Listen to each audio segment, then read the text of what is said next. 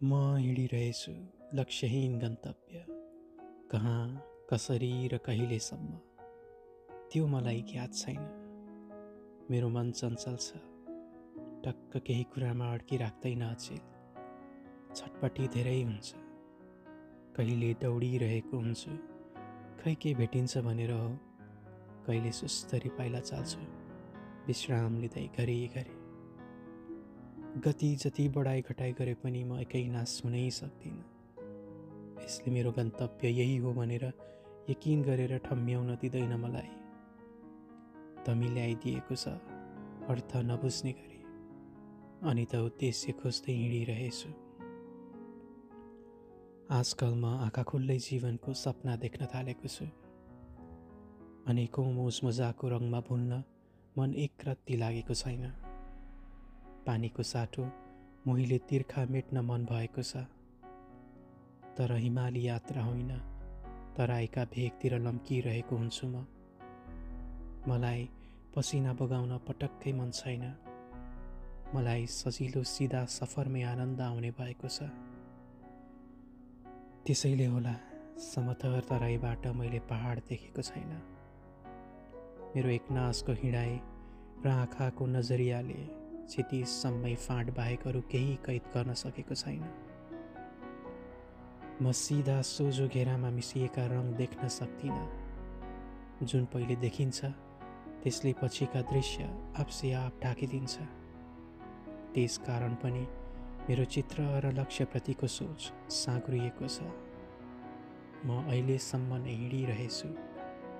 लक्ष्यहीन गन्तव्य। तर पहिलेदेखि चाहिँ अनेकौँ चित्र देख्ने सामर्थ्य अहिले म राख्दिनँ।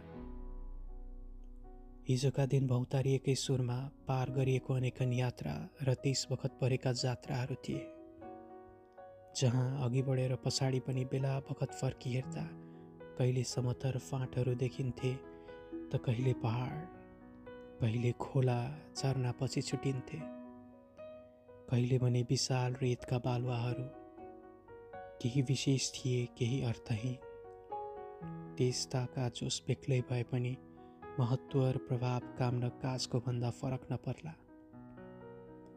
अहिले मूल्याङ्कन गरी हेर्दा आज झन् अब हिँड्नु पर्ने हो कि दौडिनु पर्ने अथवा थकाइ मार्नु पर्ने?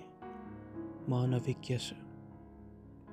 मैले मेरो लक्ष्य कोरिन सकेको अवस्थामा म के गर्ने नगर्ने अन्यलमा छु। म अल्छी भएको छु। जाँगर हराएका छन्। पाइताला अघि पछि सार्न मन मस्तिष्कले कुरालाई अर्डर दिँदैन। म भूत र वर्तमानमा विभेद छुट्याउन चाहन्न। भूत जे जसरी भए पनि जिन्दगानीको क्यानभासमा सजिसकेको छ। म कहिलेकाहीँ त्यही हेर्दै मजा लिन्छु। पाठ सिक्छु। वर्तमानमा कस्तो बनाऊ? कुन रङ्ग दलौँ कुन कलमले कोरौँ मसी कुन प्रयोग गरौँ मलाई यही कुराले बिरोल्छ। आफ्नैका लागि चित्र अर्पण गरौँ कि अरू कसैका लागि समर्पण गरिदिनु मैले? खै कसका लागि? यो एक गम्भीर कुरो छ। तर आज खुला आँखाले दिएको दिवा स्वप्नले मन मस्तिष्क उजागर गरिदिएको छ। म यस्तो दिवा स्वप्नको अझै अनुभव चाहन्छु जसले काल्पनिक जगतमा शिक्षा दिन खोज्छ।